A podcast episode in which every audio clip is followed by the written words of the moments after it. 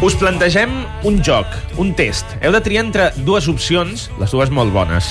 Voleu 100.000 euros ara mateix o voleu un milió d'euros a cobrar d'aquí a 10 anys? Per mi no és gaire dilema perquè jo em vaig quedar directament amb la, amb la segona opció, uh, perquè qui riu últim riu millor i amb més pasta. No sé si tu tens un dubte. No, sí, no, no, sí, sí, no en tinc cap, però Veus? vaig a la Veus? contra. Però vaig a la contra. Tu triaries 100.000 euros ara. Ara mateix, sí. Li hem preguntat aquest mateix dilema a l'actriu Clàudia Costas i ho té així de poc clar. És que crec que, que ja nosaltres quatre ja estem, que, que no podem donar-li més voltes, cada dia canviem d'opinió. La meva parella és una ferma... mm, Em, va, em va insistint en que amb 100.000 euros en 10 anys pots fer una gran inversió i poden arribar molt més lluny, perquè jo al principi deia, bueno, el millor d'aquí 10 anys si veiés el contracte, perquè jo vull veure les clàusules que et diuen si, si tu la palmes, si ho poden heredar, heredar algú, o... però estic molt confosa. Ara mateix potser agafaria els 100.000.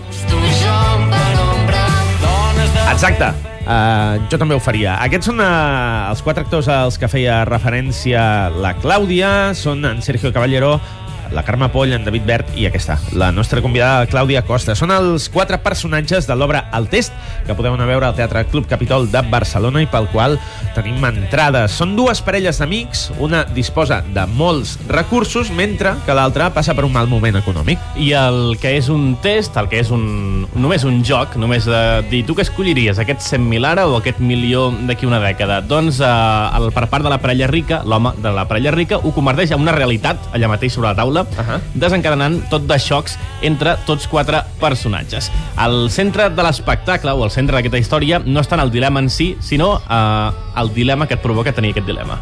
Hauríem de tots tenir unes mínimes bases que no arribem al punt de discutir això. És que entenc perfectament el que dius, perquè crea molta controvèrsia, no?, estar, estar parlant d'això i que sobre el públic rigui, que és com... que està, està fet sabent, però, però des de dins de vegades dius, hòstia puta, és, és molt dur el que estem dient.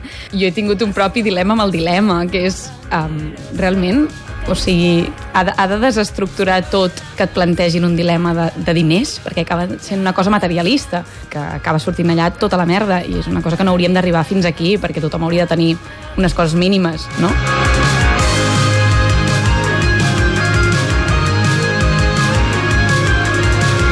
El text, el test uh, és un text del dramaturg català Jordi Vallejo, que ara porta en escena la directora Cristina Clemente, i l'han comparat amb l'estil de Yasmina Reza. Sabeu tots que és l'autora de Un Déu salvatge. podeu trobar algun lligam entre un déu salvatge i aquesta obra de teatre, El Test. I tornem a un lloc bastant comú en aquestes comèdies negres que estem comentant, que és el sopar de parelles. Bé, bé, no, bé, bé. no, no has vist mai, Albert, una obra de teatre que sigui un sopar de parelles o una pel·li? El rei Borni. Per exemple, són moltíssimes.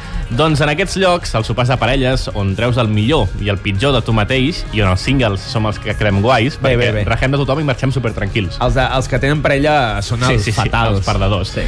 Doncs potser us tira enrere, que sigui un context que ja heu vist tantes vegades, però igualment insistim, us recomanem que l'aneu a veure perquè estem parlant d'un text bastant punxegut. Bueno, perquè un sopar de parelles, sobretot en el, en el registre còmic, dona molt, dona molt de per si, perquè entres en la comèdia de líos, de- de- d'embolics, de, de, hi ha moltes coses que pots anar desterrant, um, hi ha, així crees diferents personalitats i, i com dos bàndols, no? A veure, és que de temes n'hi ha molt pocs i jo crec que és al final el prisma des d'on veus cada tema, no? O sigui, tema amor sempre està present en quasi totes les obres de teatre, de pel·lis, de, de, de llibres, de tot. El que passa que és des d'on l'enfoquis. No hem de patir, no hem de patir per res, mentre hi hagi cervesa. Jo crec que, que intentem tots ser nosaltres mateixos a tot arreu, però hi ha circumstàncies on vulguis o no, et- estàs diferent, no vols demostrar alguna cosa, encara que siguin molt, molt amics, no? en, aquesta, en aquest eh, sopar de, del test um, hi ha una persona que, que és el personatge de la Berta, que és el que faig jo, que no, no és amiga. O sigui, els altres tres són molt amics i aquesta va i la lia parda. I els altres encara se senten més incòmodes davant d'aquesta presència d'una persona que tampoc que sembla que els estigui jutjant i moltes vegades potser passa això, que sents que algú t'està jutjant. Rere nostre destrucció. Tot va sortir malament. La Clàudia Costes us pot sonar de La Riera, la soap òpera de TV3, on encarnava, en passat ho dic, eh? És que no la podem seguir perquè estem treballant a aquella hora nosaltres. Bueno, i perquè s'ha acabat, no? Aquesta Era, o no? Sí, és el, és el que et dic. Ah. He de parlar en passat, eh? Sí, encarnava el paper de l'Ona. Uh, I ara en un paper molt més adult, és una psicòloga d'èxit que té les coses molt clares i és la culpable de posar aquest test sobre la taula. El, el personatge més contrari a ella és el personatge de la Paula, que és la idealista, preocupada pel benestar global, una actitud que, òbviament, com a la vida real, provoca tot de xocs amb els altres personatges, incloent-hi la seva parella. El test és una obra prou complexa com per no decantar-se molt més en favor d'un personatge que no pas un altre. Que no n'hi ha de moral. O sigui, molta gent m'ha atacat el meu personatge i jo els deia, és la única honesta que arriba con la hacha en la mano i se va igual. I és honesta, o sigui, diu, diu tot el que pensa, és veritat, a vegades no cal, vull dir, s'ha de tenir una mica d'empatia, però els altres, els altres van canviant i van sortint coses i, i no hi ha cap mena de moral en els altres personatges. O sigui, són tela marinera.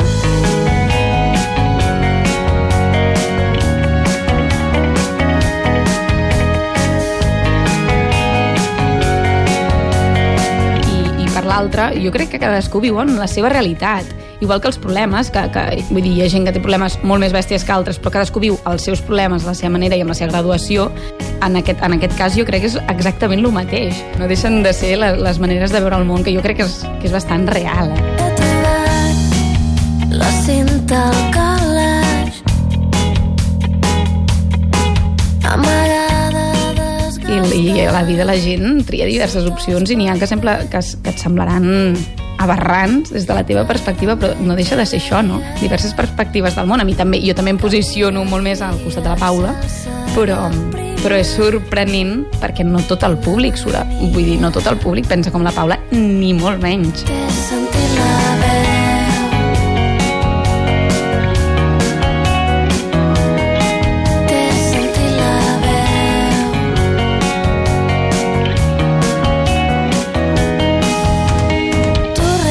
Us recomanem molt anar a veure el test al Club Capitol, una petita història que té moltes més cares de les que us pot semblar de bon començament, amb tot aquest tema que es pot fer reflexionar. Ha gent que reia a, a carcajada límpia Sí. i estava ratllant-me el cap, en plan, no, jo, jo no diria això, jo faria això. Jo sóc el típic que es menja la closca, però una mica tothom, eh, tothom gaudia, i és que hi ha aquest equilibri, aquesta combinació ideal entre humor i moments de tensió, alguns només separats per dècimes. Realment això jo crec que és mèrit absolutament del text i de la direcció de la Cris Clemente perquè mm, realment quan llegeixes el guió a casa a mi no em feia gràcia. O sigui, el trobava molt bo i estava molt ben traçat, però els llocs on riuen són frases que quan les llegeixes les passes per sobre. I és el que ha aconseguit de crear, això que deies, de crear la tensió, que de cop te n'adones que com a públic no deuen poder més i has de riure perquè ho has de treure per algun lloc. Bueno, hi ha, hi ha una frase estrella que, que estem com flipant des del primer dia perquè funciona sempre i no té puta gràcia. És simplement la tensió que s'ha anat generant. I aquesta frase, llegint-la, és una més, és que ni t'hi pares, ni l'observes. I de cop, quan estàs amb el públic, és com, hòstia, aplaudiments i tot de, de riures, és com, bueno,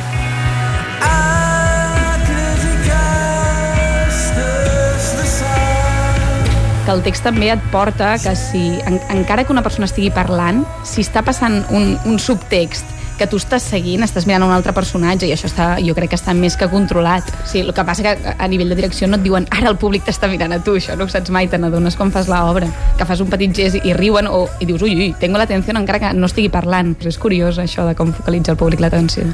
O sigui, com el públic acaba sent una massa aquell dia i té una energia concreta com a públic, encara que ningú es conegui entre, entre ells mateixos, no? I sí que és veritat que hi ha dies que dius, hòstia, què ha passat avui? Que estaven freds, que no entraven, i hi ha dies que... Però al minut 1, hi ha una frase pel principi que si riuen allà és que los tenemos ja, que tenen unes ganes de riure que vamos.